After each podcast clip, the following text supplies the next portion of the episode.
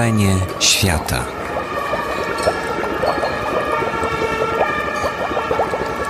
Dobry wieczór. Witam Państwa bardzo serdecznie w faktycznym Domu Kultury w miejscu Fundacji Instytut Reportażu.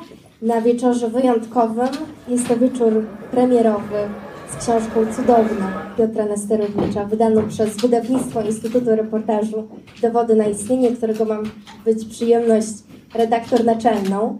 Y, Zanim spotkamy się z autorem, rozmowę z Piotrem poprowadzi Mariusz Szczygieł. Y, Usłyszymy fragment tej książki przeczytany przez pana Wojciecha Malajkata. Y, Być może czytali już Państwo też jakiś fragment w dużym formacie lub słyszeli na antenie trójki w audycji Michała Nogasia.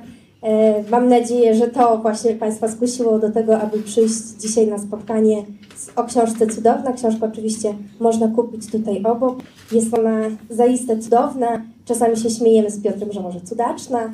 E, Na pewno jest warta przeczytania, a teraz wysłuchania interpretacji Wojciecha Malejkata. Zapraszam.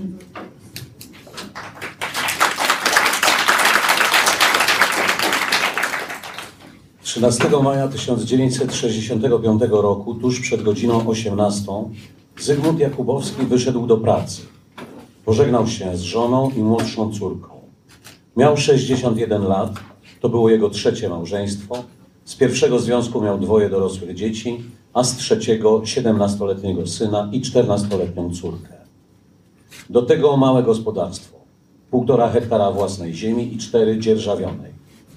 Drewniany domek przy ulicy Świętego Rocha, konia, krowę i jałówkę, świnie i prosiaki oraz 1050 zł miesięcznej pensji jako dozorca w, okręgowe, w okręgowej mleczarni. Mieszkańcy miasteczka mówią, że to była najbiedniejsza rodzina w Zabłudowie. On całe lato i zimę w jednych butach chodził, w ojłokach takich, filcowych butach, byle jak wyrobionych. Wspomina dzisiaj Aleksander Polikarp, mieszkaniec Zabłudowa. Kiedy ojciec wyszedł do pracy, Jadwiga poszła zbierać szczaw.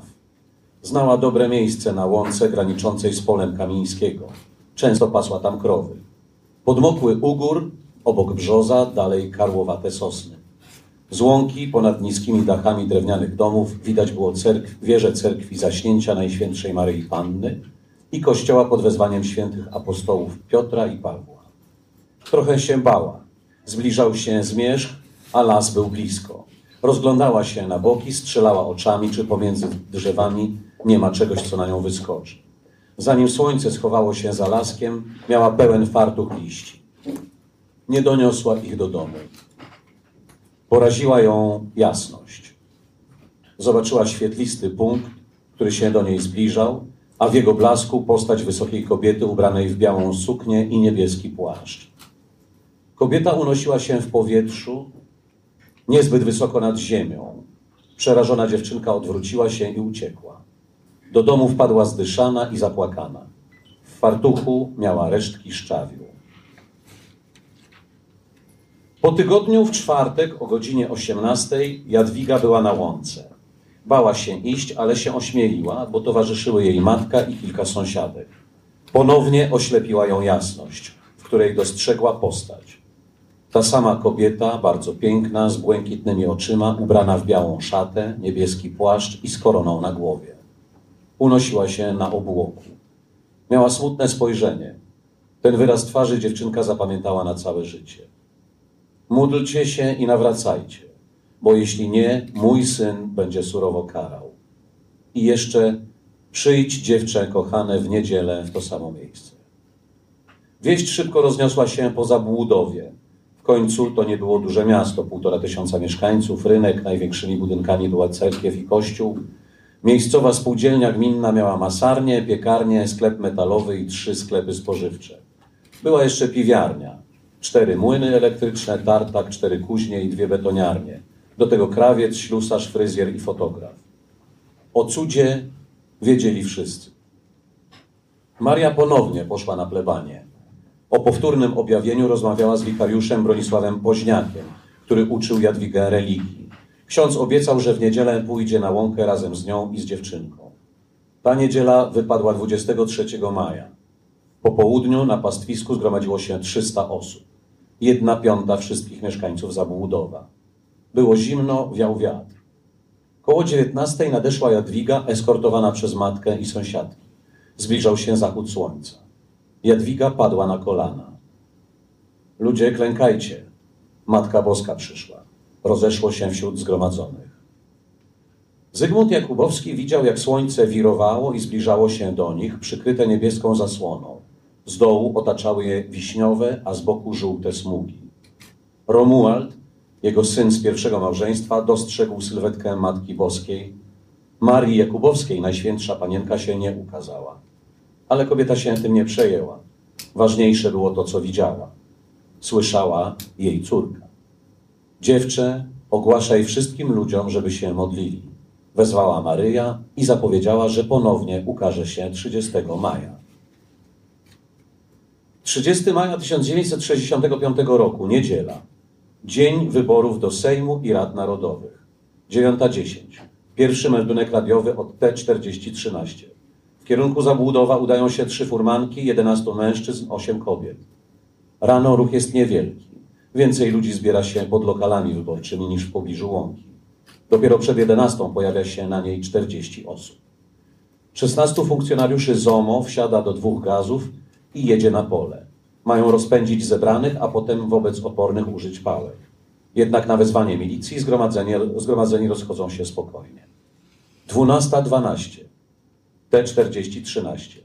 W kościele jest około 800 osób. O godzinie 13 mają udać się na łąkę. Nadjeżdża odwód z Białego Stoku. Pluton pierwszej kompanii ZOMO, dowodzony przez kapitana Lisieckiego w sile 18 milicjantów plus radiowóz. Zajmuje pozycję pod Laskiem. 14. Do T4017. Idzie do ciebie 200 ludzi. Pamiętaj, żeby nie dopuścić. Starszy sierżant Pryszczepko wraz z siedmioma funkcjonariuszami przyjeżdżają na pomoc porucznikowi Kurzewskiemu. Na drodze z Krynickich przy, do lasu, przy wyjeździe z lasu trafiają na 200-osobową grupę. Po trzykrotnym wezwaniu ludzie się cofają. Tego dnia sierżant nie ma chwili wytchnienia. Godzinę później interweniuje ponownie. Tym razem wspiera trzeci pluton, który pilnuje szosy prowadzącej na Bielsk Podlaski. Drogą idzie 500 ludzi. Po kilkukrotnych apelach nadchodzący zatrzymują się, ale nie zawracają. Następnie idą na pola, gdzie mały oddział ZOMO nie może kontrolować ich ruchów. Po trupach, ale dojdziemy, słychać okrzyki. 15.30. Polem od Białego Stoku idą ludzie. Trudno mi powstrzymać. Około tysiąca. Starszy sierżant Brzozowski ma ważne zadanie. Stawia zaporę na szosie z Białego Stoku. Wybiera dobre miejsce. Mostek na rzece Rudnia w Zagruszanach. I na początku odnosi sukces. Skutecznie zawraca kolejne grupy. Później widzi ludzi, którzy gromadzą się na polu obok szosy. Z drewnianych żerdzi robią kładkę na rzeczce. Niektórzy forsują ją w pław. Wszyscy polami idą do Zabłudowa. Godzina 16. Przemówić przez tubę do społeczeństwa. Jeżeli nie usłuchają, działać zgodnie z wytycznymi. Kapitanowie Łuczak i Lisiecki z niepokojem obserwują nadchodzących cywilów. W krótkim czasie gromadzi się ich tysiąc. Starszy sierżant Pryszczepko trzykrotnie wzywa zebranych do rozejścia się, bez skutku. Z tłumu dobiegają wrogie okrzyki i nabożne śpiewy. Podczas gdy Pryszczepko krzyczy przez tubę, sierżant Piórkowski stoi na czele swojej drużyny. Przed nim ludzie klęczą i śpiewają. Kiedy apele Pryszczepki okazują się bezskuteczne, formuje tyralierę. Zgromadzeni się cofają. Wciąż jednak napływają nowi. Funkcjonariusze nie mogą ich rozproszyć. Używają pałek. Tłum ustępuje o 800 metrów. I staje. Kobiety kładą się na ziemi i głośno wyzywają milicjantów. 16.18. T4013. Zezwalam na użycie płaczących. Do tego momentu sierżant Gawryluk używał tylko pałki gumowej. Słyszy, jak kobiety wyzywają funkcjonariuszy od gestapowców. Wtedy plutonowy bezik przynosi granaty łzawiące. Gawryluk i jego ludzie rzucają je daleko w tłum, który jednak nie ustępuje. Kamieniami w nich dochodzą okrzyki.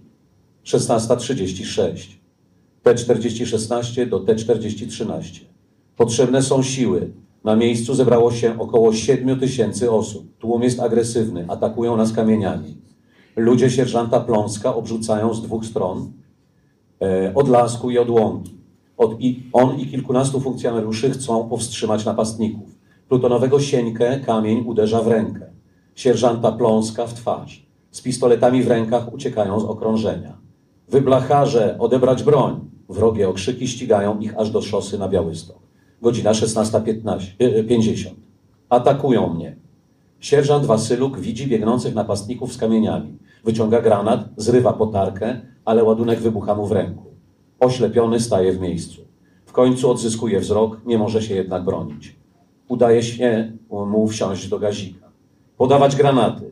Sierżant Lewandowski słyszy krzyki funkcjonariuszy. Podbiega do samochodu, ale nie znajduje granatów. Kamienie lecą tak gęsto, że nie dobiega z powrotem do głównej grupy, która skupia się przy ciężarówkach. Wskakuje do cofającego się pojazdu plutonowego Iwaniuka. Z okrążenia wyrywają się trzy gaziki. Mają podziurawione plandeki i powybijane szyby. 16.58. Szybciej, wysyłaj pomoc, atakują nas. Łuczak pozostaje z kapitanem Lisieckim, 16 funkcjonariuszami ZOMO i kilkoma z Komendy Wojewódzkiej Milicji Obywatelskiej w Białymstoku. Stoją przy samochodach ciężarowych, które nie mogą wyjechać z błota. Są atakowani ze wszystkich stron. Bijcie ich, Bóg z nami, krzyczą ludzie. Plutonowego Kuźmińskiego powalają na ziemię, ale milicjanci go wyciągają. Wyrzutnie przestają działać. Kończą się granaty ręczne. Kapitan Łuczak nie chce dopuścić do fizycznego starcia z tłumem. Musi chronić rannych. Wydaje rozkaz strzelania w górę z broni palnej. 16.59. I po głowach, i po plecach dostaliśmy, nie mogę się wydostać. Prędzej do nas używamy broni palnej do góry. Kapitan Lisiecki widzi przed sobą osobników uzbrojonych w drągi. Wciąż ma nadzieję, że zdołają uwolnić samochody i przedrą się na zewnątrz. Dostaje kamieniem w głowę. Pada na ziemię, traci przytomność. Kiedy dochodzi do siebie, widzi funkcjonariuszy stłoczonych obok samochodów. Tłum jest pięć metrów od nich. Milicjanci strzelają w powietrze. Jego broń się zacina. Bierze pistolet od plutonowego krawczyka. Oddaje trzy strzały. 17.03. Sytuacja jest ciężka, bardzo ciężka. Za wszelką cenę się wydostać, nie używać broni palnej. Sierżant Piórkowski widzi, jak plutonowemu Kuźmińskiemu kamień rozcina głowę. Jego trafia w nogę. Tak samo jak biegnącego obok funkcjonariusza po cywilnemu. Czuje, że nie zdołają się oderwać od nacierającego tłumu. Wyjmuje z kabury pistolet, pistolet TT-33. Jest gotowy go użyć. Na widok broni napastnicy zwalniają. Wtedy nadjeżdża z pomocą kapitan Drzenicki. 17.14. T-40-16. Na razie przestali nas atakować. Mam rannych. Tłum zajął całą łąkę. Porucznik Kurzewski i milicjanci z posterunków drogowych dołączają do kapitana Drzemickiego. Razem ruszają na odsiecz Łuczakowi. Samochody pędzą na syrenach do miejsca okrążenia. Kiedy zbliżają się do łąki, Kurzewski widzi przed sobą wielkie zbiegowisko. Co najmniej 9 tysięcy osób. Rozwijają tyralierę. Ludzie, którzy atakują okrążonych milicjantów, ustępują. Cały oddział ZOMO wycofuje się do Zabłudowa. Rannych opatrują w ośrodku zdrowia i szkole, wykorzystują wszystkie apteczki szkolne. 17.30. LT-72. Wycofać wszystko, tłum przestał zagrażać. Następnego dnia kapitan Łuczak podaje w raporcie, że w czasie akcji Zjawa użyto 210 pojemników obezwładniających środków chemicznych. Milicjanci wystrzelili w powietrze, w powietrze 37 sztuk amunicji. Wymienia rany, jakie odnieśli. Kapitan Lisiecki uderzenie w głowę. Porucznik Podgórski zwichnięcie nogi od uderzenia kamieniem. Plutonowy Kuźmiński uderzenie kamieniem w głowę i obrażenia ciała od kopania, gdy stracił przytomność. Plutonowy Więcek obrażenia nogi od kamienia i prawej ręki od granatu chemicznego. 25 funkcjonariuszy odnosi lżejsze obrażenia. Autorzy milicyjnych raportów obszernie rozpisują się o stratach poniesionych przez ZOMO. Na temat obrażeń wśród cywilów są enigmatyczni. W raportach figuruje dwóch rannych. Bobrowski Adam, lat 35, podobno pobity przez tłum, kiedy nawoływał uczestników do zachowania spokoju i poszanowania prawa. Stasiuk Henryk, rolnik z Biel, żonaty, ojciec czwórki dzieci, postrzelony w plecy. Pocisk wyszedł z przodu pod gardłem. Przeżył. 30 maja siłą zabrali mnie na łąkę. Porwali z domu bez mamy, bez taty, obcy ludzie. To się stało wbrew mojej woli. Nigdy nie chciałam być na świeczniku. Ani żeby o mnie mówili, owszem, jak ludzie prosili, to ja do okna wychodziłam, pokazywałam się, choć niechętnie to robiłam. Już wtedy słyszałam te pogłoski, że my to zrobiliśmy dla zysku. Pokazywałam się na prośbę kogoś albo mamy, jak ktoś ją bardzo poprosił, ale nie na każde życzenie, nie zawsze. Nie byłam tym zachwycona. Często wręcz chowałam się do pokoju i płakałam. Nie lubiłam go. Dziś nie chciałabym znowu być w centrum uwagi. To mnie nie cieszy. Tak jak nie cieszyło to, co się działo wtedy. Że wystawiali mnie w oknie, ubierali w sukienkę. To nie było moje. Mnie to w ogóle nie imponowało, nie chciałam tego. Teraz nigdzie nie wychodzę, tyle co do kościoła, do sklepu, do pracy, może do bratowej albo do koleżanki czy do kuzynki. To trzy osoby, do których w ogóle chodzę. Chcę spokoju, życia na uboczu, tak jak w tym domu, gdzie żyję z tyłu. Wchodzi się przez boczne drzwi od podwórza, nie z głównej klatki schodowej. Chcę nieznaczne, nieznacznego życia. O tamtej niedzieli opowiedzieć może prawie każdy starszy mieszkaniec Zabłudowa i okolic. Opowiada też Halina Kochańska, która mieszka w odległej o 3 km Rafałówce. W 1965 roku miała 22 lata i mieszkała jeszcze w Stelmachowie pod Tykocinem. Stamtąd przybyła z mamą, babcią i sąsiadką najpierw do Białegostoku, potem pieszo do Zabłudowa. Upuściło się jak spod parasola. Mówi o słońcu, które wyszło z za chmur, gdy wieczorem stali na łące. Kiedy Jadwiga powiedziała, że Matka Boska idzie, Halina zobaczyła serce na niebie, olbrzymie, różowe, tuż pod słońcem. Potem w środku tego słońca pokazał się żłóbek Pana Jezusa. Tu po bokach stały dwie osoby, ku górze biegły trzy promienie. Rysuje to, co wtedy widziała. Jadwiga zapowiedziała, że Matka Boska będzie wszystkim błogosławić. I rzeczywiście, Halina zobaczyła bombki żółtawe, zielonkawe, seledynowe i niebieskie. Powoli opadały z góry niczym wielkie bańki mydlane. Zatrzymywały się nad głowami ludzi i pękały. Do dzisiaj Halina wierzy, że to nie mogło być złudzenie. Słońce jej nie raziło, mimo że spoglądała wprost na nie. Tak jakby oglądała telewizję. A wtedy było tam coś takiego piękniejsze od złota. Kochańskiej brakuje słów, by opisać to, co widziała. Jej synowa Emilia, która mówi o teściowej, że to twarda i doświadczona kobieta, co nikogo się nie boi, patrzy na nią z zaskoczeniem, bo Halina płacze. Wreszcie mówi cicho: Może to niebo było otwarte. Nie żałuję, że miałam objawienie. Gdybym nawet wiedziała naprzód, co się będzie działo, to i tak bym tego chciała. Uważam, że to, co zostało mnie przekazane, to jest ważne orędzie. I nie zastanawiam się, jakby moje życie wyglądało, gdyby nie cud. Jestem szczęśliwa z tym, co się stało. Jednak w objawieniu nie chcę, o objawieniu nie chcę rozmawiać. Jeżeli ktoś nie chce w to wierzyć, niech nie wierzy, niech się wyśmiewa. To każdego osobista sprawa. Ja uważam, że sprawy Boże, wcześniej czy później, nie w tym, to w następnym życiu, wezmą górę. Czasami tylko, gdy ktoś do mnie przyjdzie, powtarzam mu jedno zdanie. Módlcie się i nawracajcie, bo jeśli nie, mój syn będzie surowo karał. Bo tak przed 49 laty powiedziała mi Matka Boska.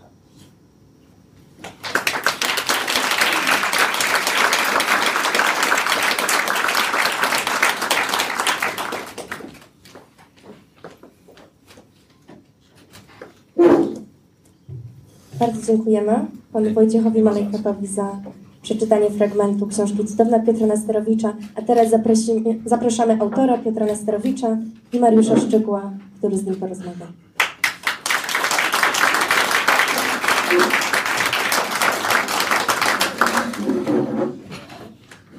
Dobry wieczór. Dobry wieczór.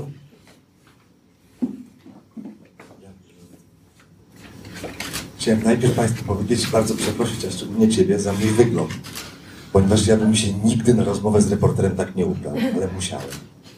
No bo dwóch, nie, nie, dwóch reporterów to powinno rozmawiać w takich y, strojach, takich cywilnych, bym powiedział. Broń Boże, nie w marynarkach, bo reportaż to jest rzecz bliska życiu. A marynarka to nie jest rzecz bliska życiu. życiu jest jakaś nabłyszczana. Ale ja strasznie Państwa przepraszam, w związku z reportażem muszę o 20 biec na róże gali. Jest taka, jest taka impreza, bo antologia reportaży XX wieku, znaczy nominowano mnie tam e, za tę antologię reportażów XX wieku. Oczywiście nie ma mowy, żeby dostać tę różę, bo tam jest też Monika Jaruzelska, mm, Hanna Bakuła za swoje książki, więc na pewno któraś z nich dostanie. Ale niemniej, ponieważ jesteśmy wydawnictwem debiutującym jako dowody na istnienie, to w takich miejscach się trzeba pokazywać, a ja jestem tym od PR-u, facetem.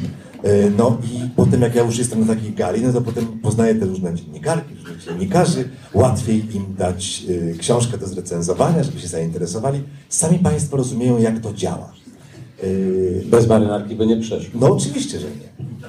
Więc taki trochę jestem podróże Gali, a nie pod Piotra Nesterowicza.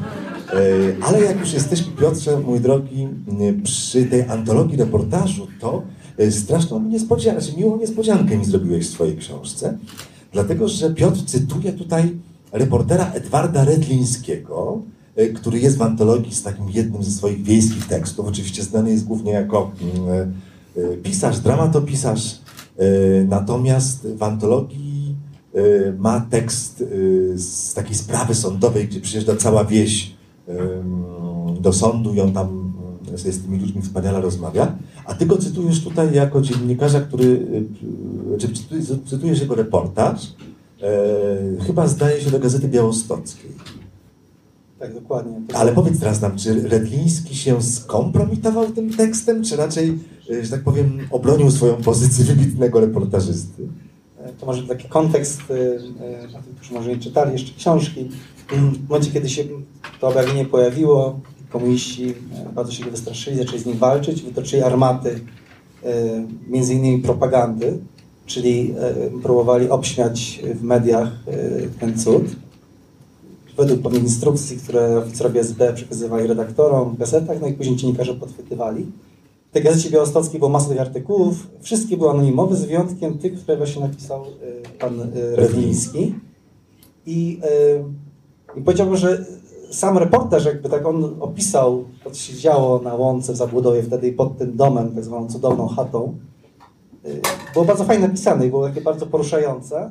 Więc wydaje mi się, że jeśli chodzi o warsztat reporterski, to, to był dobry tekst. E, Natomiast naprawdę było takie, że on się wpisywał bardzo mocno w ten kontekst y, całej nagonki na, y, na tą rodzinę, na tą dziewczynkę, na ludzi tam.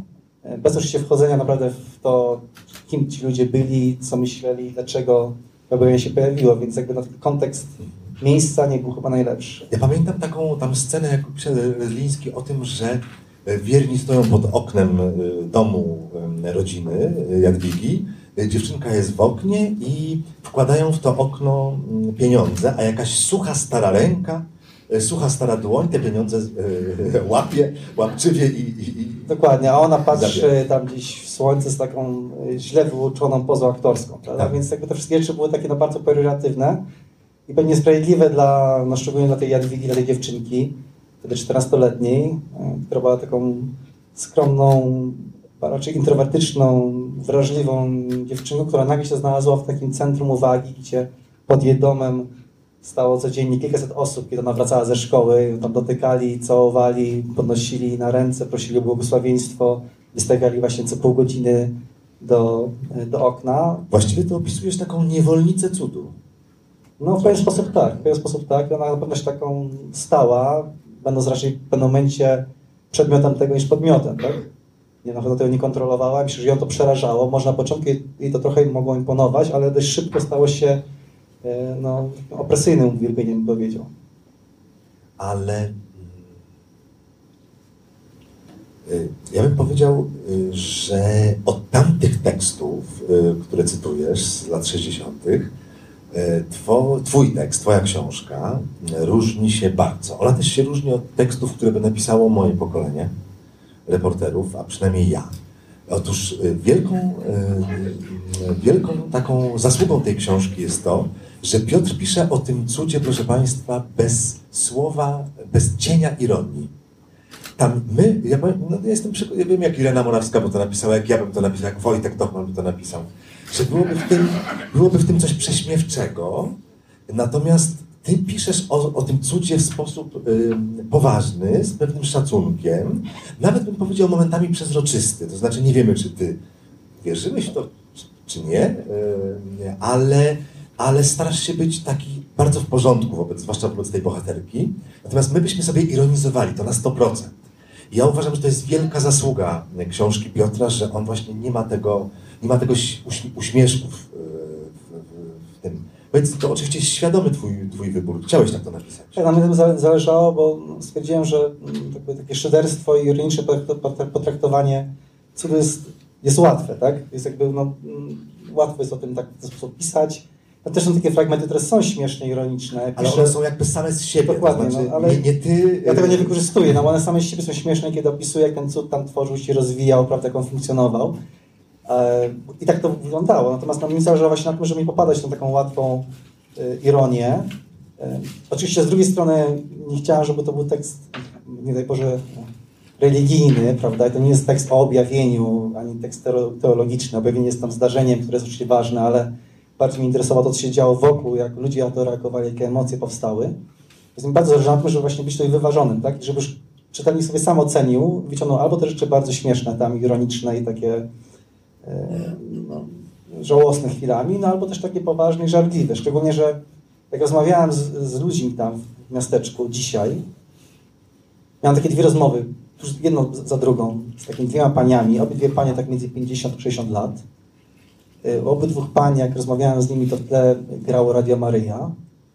I z jednej rozmowy wróciłem, a taki, wyszedłem taki poruszony, taką żarliwością tej osoby. Taki poruszony pozytywnie. No naprawdę była bardzo tak żarliwie wierzyła w to, co tam się działo i o tym opowiadała. E, W taki bardzo szczery sposób, naprawdę poruszający.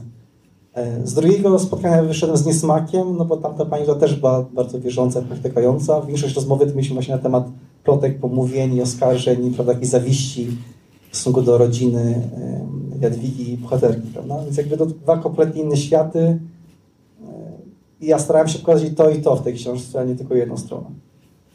Ale mimo tej twojej, właśnie tego twojego szacunku wobec tematu jakby i, braku tej, tej, tej, tej ironii, to książka, proszę Państwa, jeśli ktoś nie czytał, no nie ma ani jednego momentu nudy. To znaczy, to się czyta jak, to jest jak film hollywoodzki troszkę. A ja mogę jedno słowo? Bardzo proszę. E, Dla mnie największym zaskoczeniem było to, że nikt o tym cholera cudzie do tej pory nie słyszał. No, myślałem, że wszystkie zostały zdokumentowane i że już mamy... No bo komuna go ukryła. Ale jak, ale jak y, troskliwie i jak, jak skutecznie, prawda? A, Czyli komuła, znaczy z jednej strony komuniści go... Jak pan trafił na to? to z jednej strony, najpierw powiem, że zresztą komuniści go zabili, a też zabili go mieszkańcy e, tego miasteczka, w dużej No mierze tak, sami, tak. jakby się do tego przyczynili. To co później chyba mieli żal i poczucie wielkaca moralnego, którego chyba zabijali właśnie taką agresją i niechęcią do głównych bohaterów tego, co czyli do tej pani Jadwigi. Natomiast ja to trafiłem przypadkiem, ponieważ wcześniej pisałem takie reportaże o, o, o Podlasiu, o czym za chwilę jeszcze wrócę do, tego, co mówił Ma- Mariusz. Natomiast e, jakby tak szukając tematów, przypadkiem się dowiedziałem o tym, że było takie objawienie, była bitwa z ZOMO, ZOMowcy uciekli w 1965 roku. Stwierdziłem, że może ciekawa historyjka, jakby taka historyczna, o tym poczytałem, zacząłem tam jeździć, później stwierdziłem, że to też jest historia takiej właśnie polskiej ludowej religijności, e, która pomimo to, że tego, że to się działo prawie 50 lat temu, to wydaje mi się, że w dużej mierze te same mechanizmy się dzieją w podobnych objawieniach, cudach, takich mechanizmach re- religijnych. I, I może tam w takich miejscach teraz nie stoją syrenki i, i, furmanki, prawda, tylko inne samochody, ale mechanizm jest podobny. A później, jak wszedłem głębiej, to się okazało, że tam też jest to całe morze takiej zawiści, negatywnych emocji ludzkich i to mnie za- zainteresowało. Natomiast chciałem tylko nawiązać do tego stylu em, tych reporterów lat 60. czy 70., bo ja ciągle pamiętam, kiedyś pokazałem Mariuszowi mój pierwszy zbiór reportaży, em, który napisałem tak 2-3 lata temu. Mariusz jest bardzo taką em, uprzejmą osobą, szczególnie kiedy mówi e, słowa krytyczne.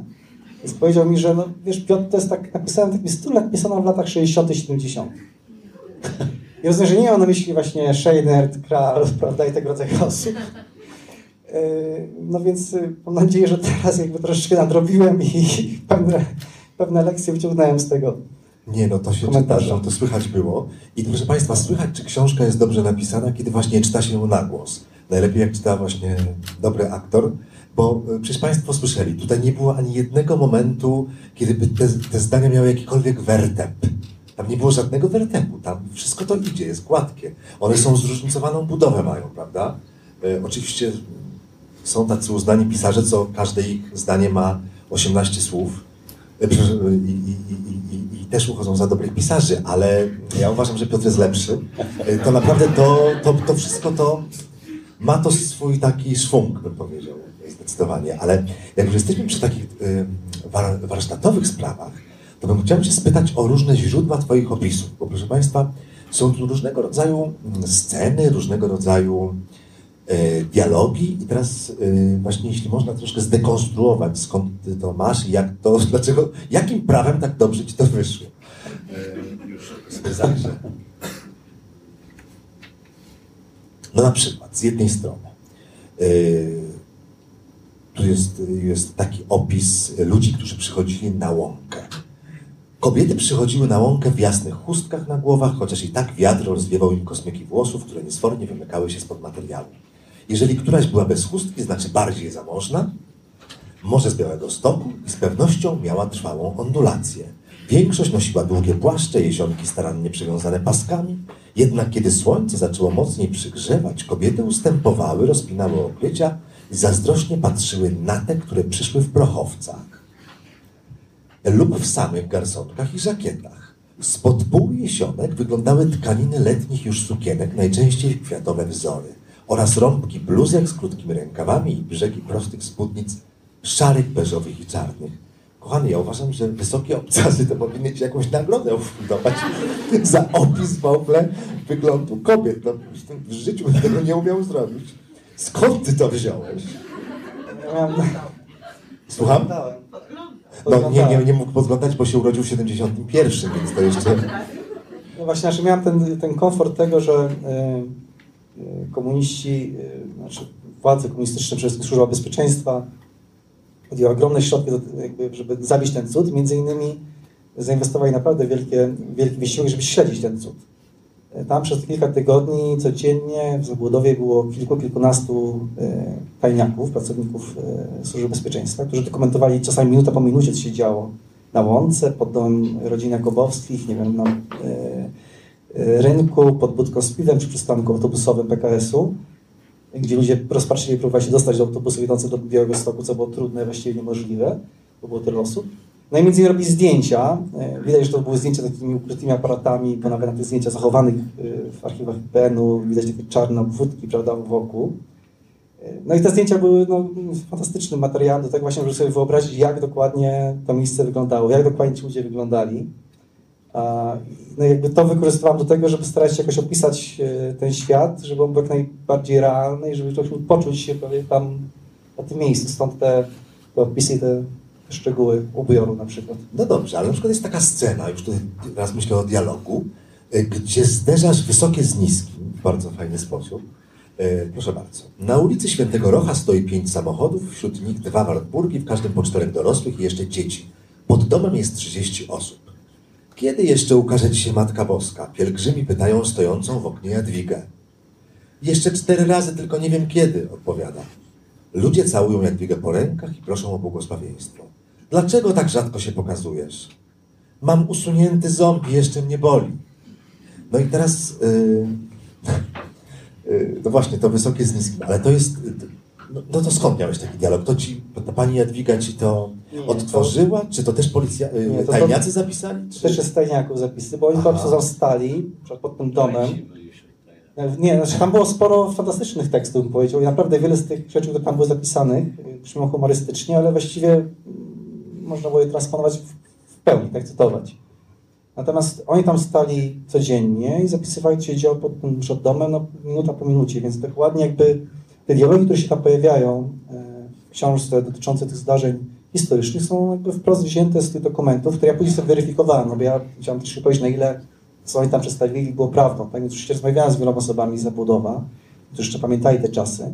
Większość nie pamiętała tych szczegółów na przykład, no ale byli w stanie mi powiedzieć, jakby jaka była atmosfera, o czym się mówiło, na ile ten ton rozmów czy zdarzeń odpowiadał temu, co raportowali ci tajniacy, a ponieważ było ich tam tylu i no, każdy z nich pisał swoje dokumenty, i ponieważ to się rzeczy się powtarzały, no to trudno było przyjąć, że... Oni byli jak ewangeliści, cztery, cztery różne wersje, albo No, myślę, że tam było tam kilkunastu, prawda? Natomiast rzeczywiście no, też no, byli bardziej produktywni, bo wyprodukowali wiele setek stron dokumentów. e, rozmawiałem o tym z, z historykami z IPN-u i stwierdzili, że nawet trudno byłoby założyć, że to zostało sfabrykowane przez, e, przez Służbę Bezpieczeństwa, bo naprawdę wymagałoby wtedy kolosalnej, monumentalnej pracy wielu miesięcy tych ludzi, którzy musieli tam pisać. E, Tak, tam podaję taki przykład e, takich milicjantów, którzy robili taką ręczną listę wszystkich osób, które się przyjawiły. Masz to pytanie. Mam. Mam to zaznaczone. Jest genialny opis, ale mów, mów. No, trafiłem po prostu na taki spis, tam tysiące, już nie pamiętam teraz ilu osób, Słuchaj, 1356 osób. o właśnie, dokładnie, które były y, na tej cudownej łące, no i którzy ci milicjanci cierpliwie zapisywali ręcznie na papierze w kratkę, kolejni zmieniając się, bo widać, że po prostu zmieniał No charakter właśnie. pisma, zmieniały się kolory dziennikarstwa, jak są adepci dziennikarstwa, to jest naprawdę wspaniały przykład. E, Tego można się uczyć. Jak opisać listę nazwisk? E, Bo ta lista e, strasznie dużo mówi. Znaczy, mm, I teraz Piotr opisuje tak. Pozycja 393. Dwukropek. Wyczerpał tusz, zmienił długopis na zielony. Na numerze 740 skończyła się jego zmiana. 741, 852. To mówimy o numeracji nazwisk. Pióro wieczne, charakter pisma ozdobniejszy. 853, 1063. Zielony, inny odcień, litery drobne. 1064 do 11, 1109. Jasno-niebieski, pismo równe, proste. 1110 do 1193. Ciemnogranatowy, milicjant, puste numery zapisuje aż do dołu kartki, by zmiennikowi było łatwiej. 1194, 1335, długopis niebieski, blady, ledwo widoczny. 1336, 1343, tuż tak ciemny, że prawie czarny. 1344 do 1356, ponownie pióro wieczne, nazwisko obywatela Mieczysława Borowskiego zamyka listę. Funkcjonariusze mogli odpocząć. No, to jest, yy, to jest rzeczywiście jakoś, nowa jakość w reportażu, że tak yy, no z, z, takiego drobiazgu można zrobić szczegół, który bardzo wiele mówi. I tutaj to, coś jeszcze, co mi imponuje bardzo w tej książce, to jest tło, ale już nie mówię o tym tle mm, takim mm, politycznym, o tym, co Piotr znalazł w archiwach yy, Służby Bezpieczeństwa, tylko mówię o takim tle yy, obyczajowo-społeczno-gospodarczym nawet, bo wielu rzeczy sobie nie uświadamialiśmy. To znaczy, ja ten PRL, który, za którym tak nie przepadam yy, i mam wobec niego wiele ale, ale to tylko dlatego, że trochę go sobie użyłem i żyłem w tym PRL-u, pamiętam inaczej. Natomiast nagle czytam, że w zabudowie, proszę Państwa, to jest w ogóle niewiarygodne, e, Piotr nam przypomina, że e, w 1965 roku co dziesiąty mieszkaniec zabudowa miał w domu co? No proszę zgadnąć. Radio. Czyli jaka musiała być, to było rok przed moim urodzeniem, kurczę, w 65 roku, no. E, Jaka musiała być świadomość tam, jaka wiedza o świecie, jeśli co dziesiąty mieszkaniec miał radio, a tam telewizory to pamiętam, że były dwa chyba, tak? Ale na, tam na ulicy właśnie Świętego Rocha, gdzie mieszkała pani Jakubowska, pojawił się pierwszy telewizor, więc były zapisy e, na to, które dzieci kiedy oglądały wieczorynkę.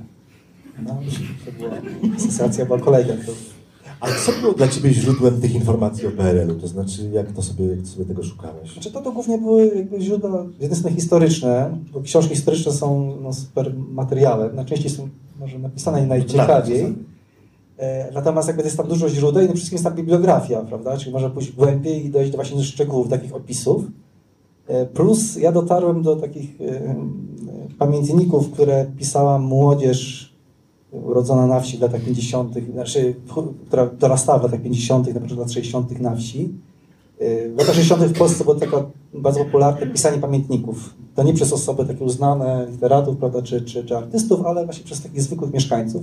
Były całe konkursy. W latach 60. y, zostało wydane 9 tomów, każdy po kilkaset stron, więc tak 7 tysięcy stron takich pamiętników młodzieży pod, Wiejskiej? tak, wiejskiej pod takim tytułem y, Młode pokolenie wsi Polski Ludowej. Brzmi koszmarnie, nudno. Y, Ja przeszedłem przez dużą część tych y, rzeczy i tam naprawdę po pierwsze było parę pamiętników, które były genialnie napisane, ale tam też te historie tych ludzi, co oni napisywali, no po prostu niesamowite. I tam właśnie było dużo takich szczegółów, które później mogą sobie sprawdzić jakimiś tam danymi statystycznymi, prawda, żeby wiedzieć jakby tam, ile tam więcej przypada właśnie samochodów w województwie, ile było dróg y, bitych, prawda, no i właśnie z tego mi wychodziło, że nawet jeśli ktoś tą syrenkę miał, czyli mało kto mógł mieć, bo nie było na stać, nawet się nie miał gdzie rozpędzić tym y, białostockim, no bo generalnie nie było dróg, a jak już były, to były głównie kocie łby, po których no, tą syrenką nie można było za bardzo poszaleć. Ale to właśnie były to takie szczegóły, które szukałem, żeby, żeby to tło do- dodać. Zresztą dla, też no, dla świata, który dla mnie też był obcy, no bo jestem urodziłem się w 1981 roku i na pewno lat 60. za bardzo nie pamiętam. A ty dorastałeś tam na Białostoczyźnie? Nie, nie, nie, ja się urodziłem w Opolu. Znaczy, mój tato pochodził z, z Białostoczyzny, z Orli tam. Ten tendencyjny fragment Radlińskiego. Tak? Aha, bo bardzo proszę. E, tendencyjny, niezwykle redliński. Dwie kolejki sąsiadują ze sobą na dworcu PKS, pisał Redliński. W jednej przeważają młodzież i trzydziestolatki, opaleni, lekko ubrani. W drugiej kobiety w średnim i starszym wieku, w chustkach i grubych spódnicach, zdyszane i spocone. Ta druga kolejka dwa razy mniejsza. W pierwszej czekano na autobus nad rzekę w Wasilkowie, w drugiej do Zabłudowa. I teraz pięknie. W jamie nad Ka- to już w, w, w miejsce objawienia w Zabłudowie. W jamie nad kałużą siedzi okrakiem mężczyzna. Spocone włosy opadają mu na czoło. Napełnia kubki i flaszki szaroburą mazią. Tłok, pot, stare kobiety rozpychają się łokciami. Drapią paznokciami drzewo krzyża, drzazgi chowają do kieszeni. A jeszcze, Wojtku, tam jest przy, przy, cyfrze, przy numerze 175 jeszcze jest kawałek Redlińskiego. Okej. Redliński opisywał w Gazecie Białostockiej sytuację, którą zaobserwował pod chatą. Dziewczynka. Dziewczynka ustawiała się lekko profilem i niczym źle nauczona aktoreczka kierowała rozmarzone spojrzenie w dal, ozdabiając się przy tym telewizyjnym uśmiechem. Wtedy przez dziurę w szybie zaczynano wrzucać pieniądze. Z parapetu zgarniała pieniądze czyjaś stara, sucha ręka. Ale przyznają Państwo, że jest to dobrze napisane, w sensie, prawda? No to jest plastyczne, my to widzimy. Najlepszy jest reportaż, jak my to wszystko widzimy, czytając. No to jak już jesteśmy przy dziewczynce z telewizyjnym uśmiechem, jaka jest yy, Jadwiga, Pani Jadwiga dzisiaj? Co możesz nam o niej powiedzieć? W sensie... mm, No ja, mm, znaczy ja byłem pod dużym wrażeniem rozmów z nią. Spędziłem dużo czasu, wiele godzin i dotarłem do niej dość późno. Wcześniej krążyłem po całym miasteczku. Wszyscy mówili mi, że ona w ogóle nie chciała ze mną rozmawiać, ponieważ boi się rozmowy z obcymi, szczególnie z mediami. Jest źle doświadczona, począwszy od tych właśnie opisów z tych czasów lat 60., ale też później zawsze była przedstawiana właśnie w taki sposób sarkastyczny, ironiczny. Nie chciała rozmawiać. Ja planowałem, że z nią porozmawiam na samym końcu, jak już zupełnie materiał, bo się bałem, że mnie wyrzuci, prawda? Yy, Więc już byłem, miałem być to przygotowane dobrze, ale oczywiście trafiłem do niej z marszu nieprzygotowany. Ale to jest dobre, jak, jak nie wyrzuci, to i tak już mam całą książkę. Tak nie? zakładałem, chociaż stwierdziłem, że, ale później byłem oczywiście przekonany, że trudno napisać książkę o tej bohaterce Bez bohaterki. bez bohaterki, prawda? Więc było to dość trudne. Razie trafiłem do niej, A jest taka, wiesz? Yy, są takie książki bez bohaterów, ci powiedzieć. dałoby się będzie napisać, No, ale ale to- jakby nie było bohater to, to samo. Także ja do niej trafiłem przypadkiem, ponieważ ktoś inny budynku, w którym ona mieszka, odmówił mi. Wcześniej się umówił mną na spotkanie, później przez drzwi ze mną rozmawiał, zamknięte. I e, poszedłem do niej po prostu z marszu, powiem, no to zapukam. Stałem 10 minut w drzwiach, e, przekonując ją, że mnie wpuściła. E, w końcu mnie wpuściła. Miałem chyba takie, i to, na początku myślałem właśnie, że to dzięki mojemu urokowi osobistemu, ale szybko doszedłem do wniosku, że to mało prawdopodobne. I po prostu miałem szczęście, że wcześniej rozmawiałem z inną panią, która akurat była w dobrych relacjach z Jadwigą i najwyraźniej na tej pani wywarłem dobre wrażenie. To, co mnie uderzyło w rozmowie jeszcze tej pierwszej z nią i później w każdej kolejnej, to to, że to były takie rozmowy, było takie dużo spokoju, takiej refleksji, takiego dystansu w ogóle, jakieś takie przemyślenia głębszego, czego chyba z, z nikim w zabudowie, jak rozmawiałem, to, to nie spotkałem. Jakoś, jakościowo inna rozmowa niż, niż tamte, tak? E, I i to, jak ona opowiadała i o mm, tym cudzie, i później całym tym swoim życiu, które było dość, dość trudne, e, i wydaje mi się, że była bardzo ciężko doświadczona jako osoba, prawda, w swoim życiu. E, było tam tak dużo takiego właśnie jakby takiego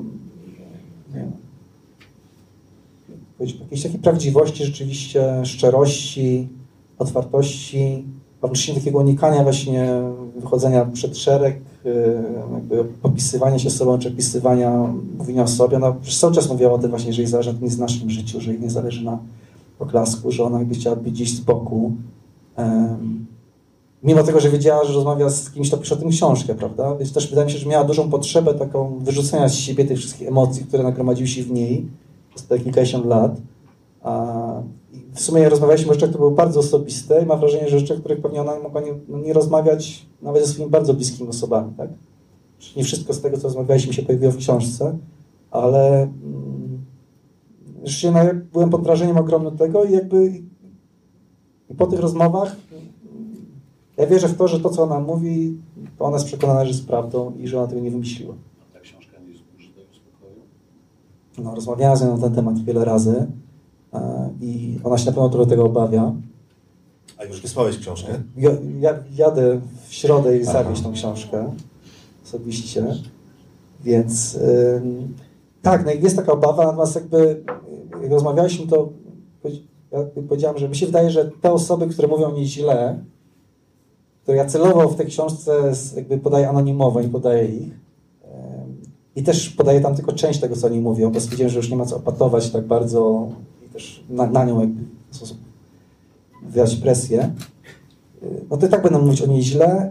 I też się oddaję do tej książce. Mam nadzieję, że może niektórzy z nich będą mieli refleksję, że sobie wystawiają nie najlepsze świadectwo prawda, o sobie. Zresztą Zabudów już y, cię chce zaprosić tam na spotkanie. Tak, jadę na spotkanie autorskie dwa tygodnie, więc zobaczę, czy wrócę.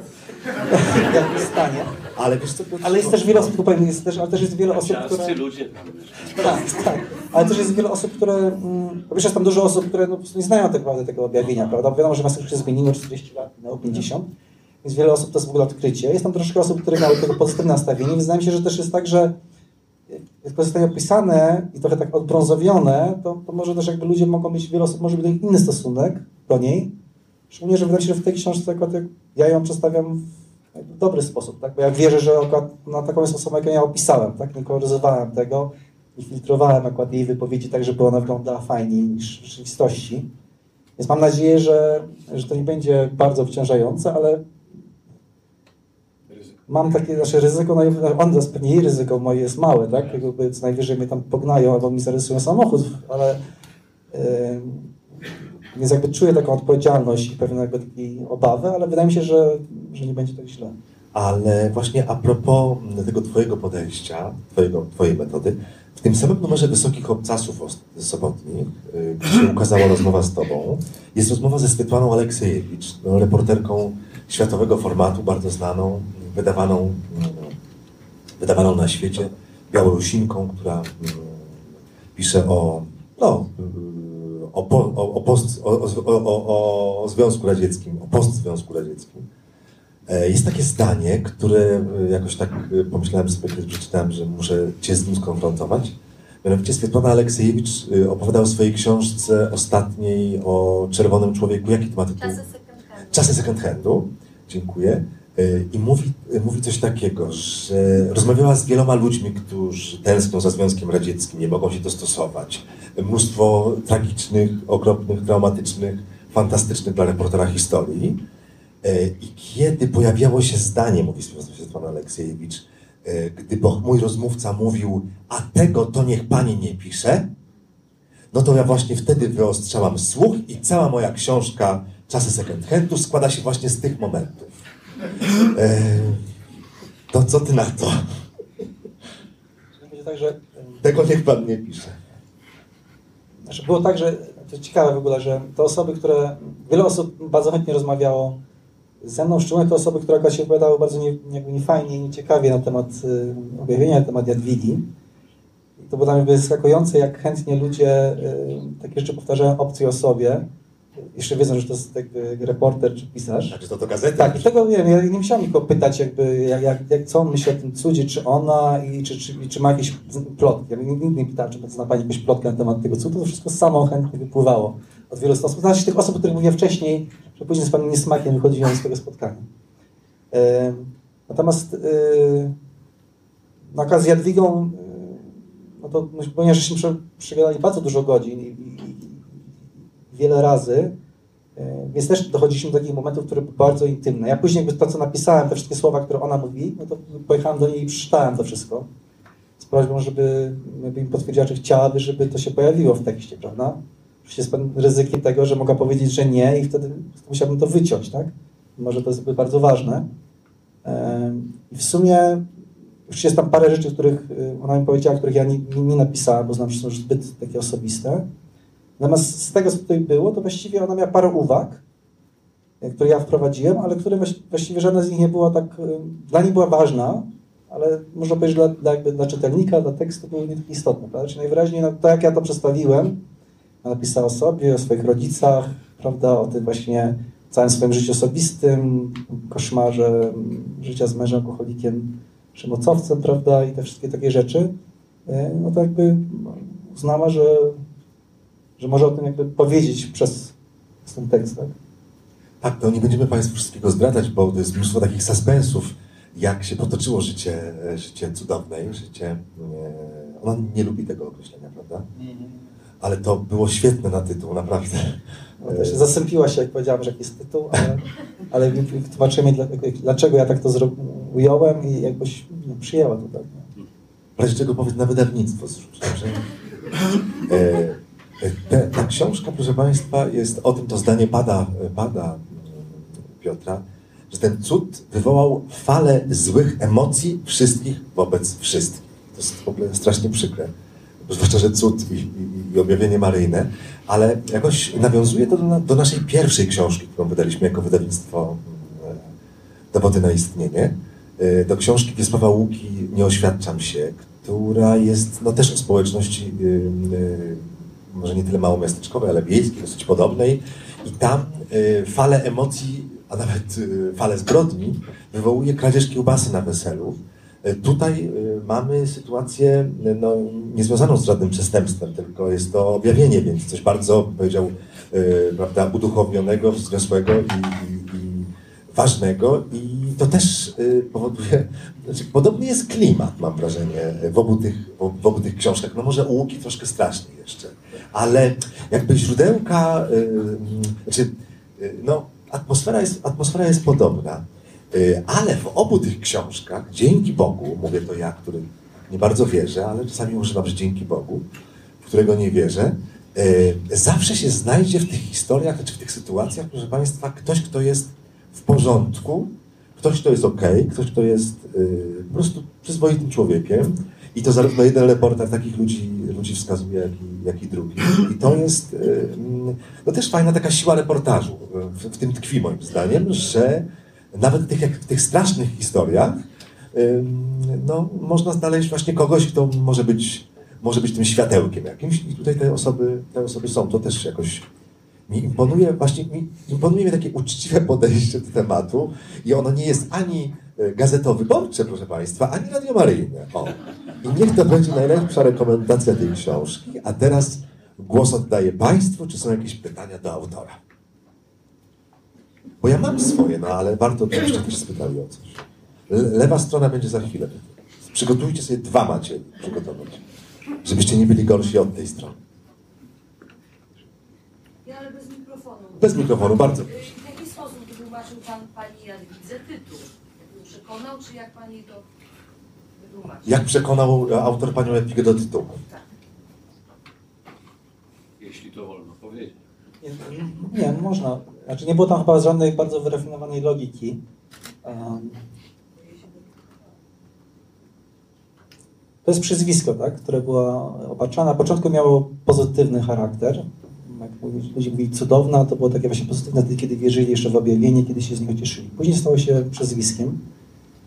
I ja po prostu powiedziałem, że moim zdaniem to jest taka kwintesencja tego, co się w tej zabudowie stało, tak, że to określenie właśnie jest dokładnie tym, co moim zdaniem w tym zabudowie się wydarzyło, tak? Gdzie najpierw e, to objawienie wywołało tą falę pozytywnych uczuć, a za chwilę zostało przykryte przez tą zawiść, złość i taką plotkę. I wierzę, że to, to jedno słowo, to określenie jest jakby na, na najlepszym tego określeniem. Powiedziałem dlatego, chciałbym, żeby to się tam pojawiło jako tytuł. E, No i ona powiedziała, jakby przyznała rację, powiedziała, że rzeczywiście tak, że ona też tak to odbiera, tak? Nie jest szczęśliwa z, jakby z tego przezwiska, że to się z nią ciągnie, e, no i dzieci wołali cydaki, e, jej ojca nazywali było? Ojciec Święty. Ojciec dokładnie Święty, tak. Właśnie, prawda, więc tego rodzaju właśnie przezwiska. No, jakby, no, to była moja argumentacja. Jakby naj- najwyraźniej ją przekonała i dokładnie dlatego, jakby, dlatego ja ją wybrałem. Także to był, plus jeszcze oczywiście pragmatycznie jedno słowo jest proste, łatwe do zapamiętania, łatwo to e, jakby też o tym wspominać, myśleć o tym. Nie było łatwo myśleć o książce, która miała jeden tytuł cudowna, niż gdyby to było ileś tam słów. Ja jeszcze chciałem, już chciałem zwrócić Państwa uwagę na okładkę tej książki. Jej autorką jest Magdalena Wdowicz. Jest Magda? Jest, cześć. E, otóż e, ta okładka jest stworzona z taką premedytacją i z takim pomysłem też, e, bym powiedział, artystycznym. E, może tego nie widać dobrze na ekranie, ale na pewno widać dobrze na książce, że my, znaczy my, no, e, no my jako wydawnictwo i projektantka e, z mężem, e, nałożyli na, szare, na to szare zdjęcie, na tę szarą rzeczywistość, roz, roz, prawda, e, z takim, takim, takim wielkim ziarnem, e, złoty, złotą taką opaskę e, błyszczącą, prawda? I to też jest taka, taka to wyraża tę opowieść, prawda? W tym szarym zabudowie nagle dzieją się rzeczy niezwykłe, także ja w ogóle jestem fanem tej okładki. No na kierownicy, tak, to prawda. Nie było innego miejsca, bo myśleliśmy, że może na dole, ale nie, to jest najlepsze. Pani ma pytanie. No, nie wiem, czy mikrofonem to mnie za bardzo słychać, że chrypię. E, tak do tego tytułu jeszcze chciałam skomentować, że może po tych ostatnich rozmowach z nią już właśnie na, na jak już cały materiał był e, napisany, być może to słowo cudowna, no może wprost się odnosi również do osoby, bo ona okazała się chyba taka, no cudowna w jakimś sensie, z tą refleksyjnością, spokojem i tak dalej. Czy ja miałem taką... Ale chcę o tym. Tylko skomentuję to, bo e, rozmawiałem z takim redaktorem e, katolickiego wydawnictwa, e, który mi powiedział, że dla niego to jest książka, e, ta książka jest takim świadectwem wiary. Co mnie zdziwiło, bo no, to nie był celem jakby książki religijnej, ale rzeczywiście sobie pomyślałem właśnie o, o, o tym życiu Jadwigi. To od tego, czy ktoś wierzy, czy nie wierzy w to objawienia jako takie, to wydaje mi się, że to jak ona żyła, jak to wyglądało, to w dużej mierze no było takim właśnie świadectwem jej wiary w to, w to objawienie, przy którym ona pozostała pomimo prześladowań komunistów, pomimo ostracyzmu sąsiadów, pomimo bardzo trudnego jakby, życia osobistego. Natomiast y, chciałam zapytać o dwie inne rzeczy. Mianowicie występują tutaj, y, jak Pan opowiadał, te osoby, które mówią o niej źle, czy tam mówiły o niej źle, y, no i ona sama wtedy, kiedy opowiada o swoim życiu. Czy były osoby, które mm, jakby mówiły dobrze i to spontanicznie i w jakich sytuacjach to się obra- o, y, wydarzało? Bo jakby ci, którzy mówią źle, to znamy ten mechanizm, jak to się dzieje, prawda? Sam Pan mówił, że mówił więcej niż Pan oczekiwał nawet. Natomiast jaki miały charakter te wypowiedzi mm, pozytywne, czy refleksyjne, czy opisowe, czy oddające sprawiedliwość? Jak to było? A drugie moje pytanie mm, dotyczy w ogóle samego Podlasia, bo historia dzieje się na Podlasiu, czyli w takim obszarze wielokulturowym, bym powiedziała, chociaż cała Polska jest wielokulturowa, bo to trudno znaleźć takie miejsce, które byłoby e, jednorodne, ale Podlasie szczególnie i to w różnych okresach historycznych, różne narody, różne religie, różne losy ludzi. E, To ma tam znaczenie generalnie na tym Podlasiu. Czy miało znaczenie również dla tej opowieści? Przepraszam za ten głos. Dziękuję bardzo.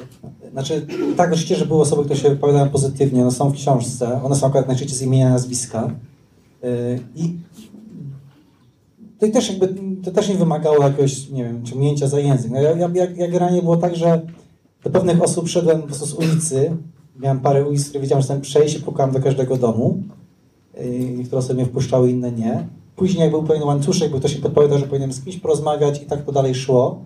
Było sporo osób, które wypowiadały się pozytywnie. Tam przykład wspominam e, taką panią e, Emilię Kochańską, która w młodości, e, właśnie z tego tak- domu, w którym dzisiaj mieszka Jadwiga, w młodości wsadzała Jadwidze zapałki do dzwonka w drzwiach, żeby jej dzwonił i przezywała jej dzieci cudaki i tam się z nimi biła. A później de facto teraz mieszka nad nią i jakby teraz zmieniła zdanie i właśnie opisuje chociażby o tym, o tym że ona wierzy w to, co ona mówi, jeśli chodzi o tą refleksyjność, to, że ona unika konfliktów, jest taka inna. Na przykład po tym, jak robiła remont swojego mieszkania nad nią i tam się przybiła do niej przez sufit kilka razy, a mimo tego Jadwiga nigdy nic właśnie nie zrobiła żadnej poważnej awantury, prawda? Ona sama, gdyby coś takiego przeżywała, to pewnie by tam kilka razy zrobiła jakieś poważne spięcia sceny. Dziękuję za podpowiedź.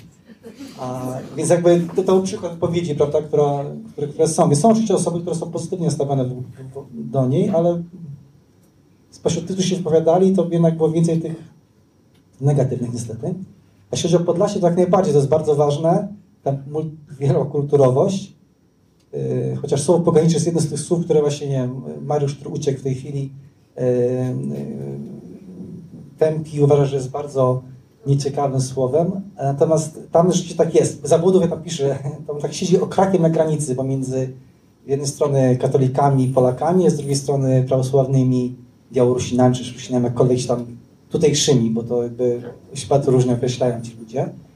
E, Na dodatek oczywiście tam była mniejszość, znaczy mniejszość przed wojną, prawie że większość e, żydowska. E, No to jest tak, taki tygiel, bo op- bardzo dużo było prawos- e, protestantów e, bardzo różnych kościołów, którzy tam mieszkali, dzisiaj jakby żyją jeszcze różnych tam takich nowych kościołów, jeszcze tam gdzie było Tatarzy, no to jest ogromny tygiel. Ale, ale cud był generalnie wszystkim katolicki.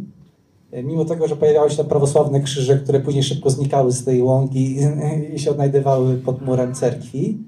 Czyli cud przynależał do chrześcijan. Bardziej był chrześcijański, był katolicki, był nawet powiedział bardziej. Aczkolwiek nie wywołał jakiejś tam wojny religijnej, bo prawosławni mieli swojego świętego tam e, e, takiego chłopczyka e, Gabriela, który jeszcze w XVII wieku, na początku XVII wieku zaginął, zginął męczeńską śmiercią jako sześciolatek. Podobno został zamęczony w beczce nabijanej gwoździami. Z kontekstem tego, że to był mord rytualny żydowski dla pozyskania krwi na Paschę. Co do dzisiaj funkcjonuje tego rodzaju właśnie e, legenda o krwi. A, Przepraszam, zapewne pani Jadwiga by była też bardziej lubiana, gdyby zginęła. No na pewno, znaczy na pewno byłaby bardziej lubiana po pierwsze jakby zginęła, przede wszystkim jakby nie wróciła z zakonu, do którego poszła, prawda? A ponieważ ona wróciła z zakonu, Państwo pewnie sobie wyobrażają, że generalnie no, ciągle w Polsce, szczególnie tej prowincjonalnej, aż jak powiedzmy 40 lat temu, czy 50, powrót z zakonu, czy z kościoła, z seminarium kogoś, prawda? No, był e, ogromnym dyshonorem i, i, i problemem dla e, tamtych rodzin. A jeszcze, jeżeli to miała być cudowna dziewczynka, która wraca po kilku latach i jeszcze z dzieckiem, jeszcze nieślubnym.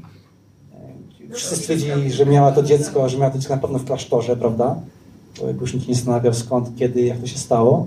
To już było to naturalne, że po prostu całkowicie zaprzeczyła temu wszystkiemu, co było wcześniej, więc zawiodła ich nadzieję. No i później już wszystko się kumulowało i, i zwiększało. A chciałam zapytać, czy z kimś z duchowieństwa, który był w tamtych czasach, czy udało się Panu porozmawiać? Z tymi osobami, które były nie fizycznie, bo zmarły, w sensie jakby już nie, nie żyją, e, przykład księża i proboszcz. E, Tu akurat no, była ogromna ilość materiałów na ten temat. E, Tak się niestety złożyło, że tej parafii, w której był proboszcz i trzech wikariuszy, dwóch z tych wikariuszy było tanimi współpracownikami SB. Znaczy nie wiedzieli wzajemnie i donosili, prawda, bardzo szczegółowo. Więc było to... I to było straszne czasami, no bo ten proboszcz był biedny, był uwikłany, nie wiedział co zrobić, czy poprzeć ten cud, czy nie. On się bał proboszcza, bał się, znaczy bał się biskupa, bał się mm, oczywiście służby bezpieczeństwa, też bał wiernych, że jak powie coś przeciw cudowi, go wywiozą na taczce. E, I nie ma się właśnie do kogo zwrócić. Czasami się zwierzał tym e, wikariuszom, prawda? Którzy no, tam dwa dni później w, w samochodzie w lesie raportowali to wszystko. Więc jakby, no to rozmawiałem jakimiś tam księżmi z kurii, prawda? Próbowałem gdzieś tam mieć ich opinię natomiast y, na temat tego, żeby sobie kalibrować te, te rzeczy, tak? Dobrze, bo lewa strona też ma tutaj pytania. Z tego, dziękuję bardzo. Y, Ja odebrałam odnośnie tytułu, odebrałam tak dwuznacznie. W książce jest relacja między dwoma kobietami, więc może ta druga być też właśnie cudowną. Ta, ta która była cudowna, która się ukazała. Więc dla mnie ten tytuł jest taki, prawda, który y, zagadkowy troszkę. Za, zaciekawiła mnie kobieta, która to odebrała, ale pana, ten tytuł jest dla mnie też jakąś szczerze mówiąc, wizytówką Pana, szczególnie, że kończy Pan artykuł po wysokich obcasach, dlatego zresztą przyszłam. Bardzo delikatnie, bardzo delikatnie do bardzo ważnej sprawy. Wierzę, że była szczera. Jestem przekonany, że ona sobie tej Matki Boskiej nie wymyśliła. Dziękuję Panu za to, za to zdanie, za tą opinię, za tą postawę taką delikatną. Mam syna z rocznika Pana i też jestem wdzięczna, że opisał Pan te czasy mojej dorosłości, y, mojego, mojego życia, ten, ten czas PRL-u, właśnie chociażby pod kątem mojego syna, żeby się zapoznał. Pan jest jego rówieśnikiem, żeby on się zapoznał z tymi czasami, w których jego matka żyła. I to y, bardzo dziękuję za, za te dwie sprawy. Za ten tytuł taki dwuznaczny, który też jakby akcentuje tą drugą kobietę. Y, I, i, I właśnie za to, że Pan zechciał się tymi czasami zająć. Bo ja w swoim czasie, mam dwóch synów zresztą, drugi jest starszy, znaczy pierwszy jest starszy, ale padały takie pytania, a, a co byście robili w tym czasie? Dlaczego byście się, prawda, nie, nie buntowali, nie postawili? Więc były takie różne, oczywiście w trakcie, jak dojrzewali. Teraz są dorosłymi mężczyznami i chciałabym, żeby przy, właśnie przybliżyli te czasy, których może do końca nie rozumieją. Dziękuję bardzo. Dziękuję bardzo. No, myślę, że tymi pięknymi słowy i tym podziękowaniem podziękujemy również Piotrowi Nesterowiczowi.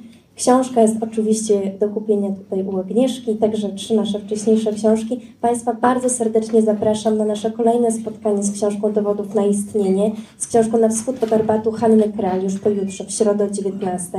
Fragmenty książki przeczyta Maja Ostaszewska i oczywiście będzie również spotkanie z Hanną Kral, które poprowadzi również Mariusz Szczygieł, za którego nieobecność teraz przepraszam, ale pobiegł na galę.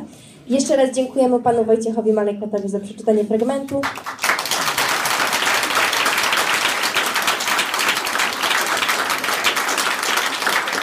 Autor z pewnością z chęcią podpisze dla, dla Państwa książki. E, tutaj jest e, jakieś wino, sok i woda, proszę się częstować i zapraszamy na kolejne spotkanie. Dziękuję.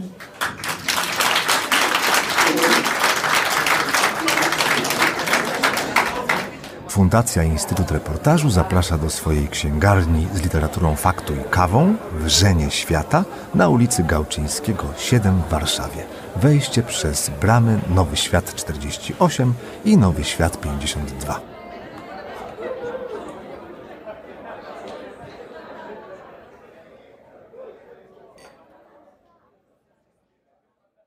Zapraszam do słuchania pozostałych podcastów Wikiradia. Można znaleźć je na stronie podcasty.info ukośnik Wikiradio.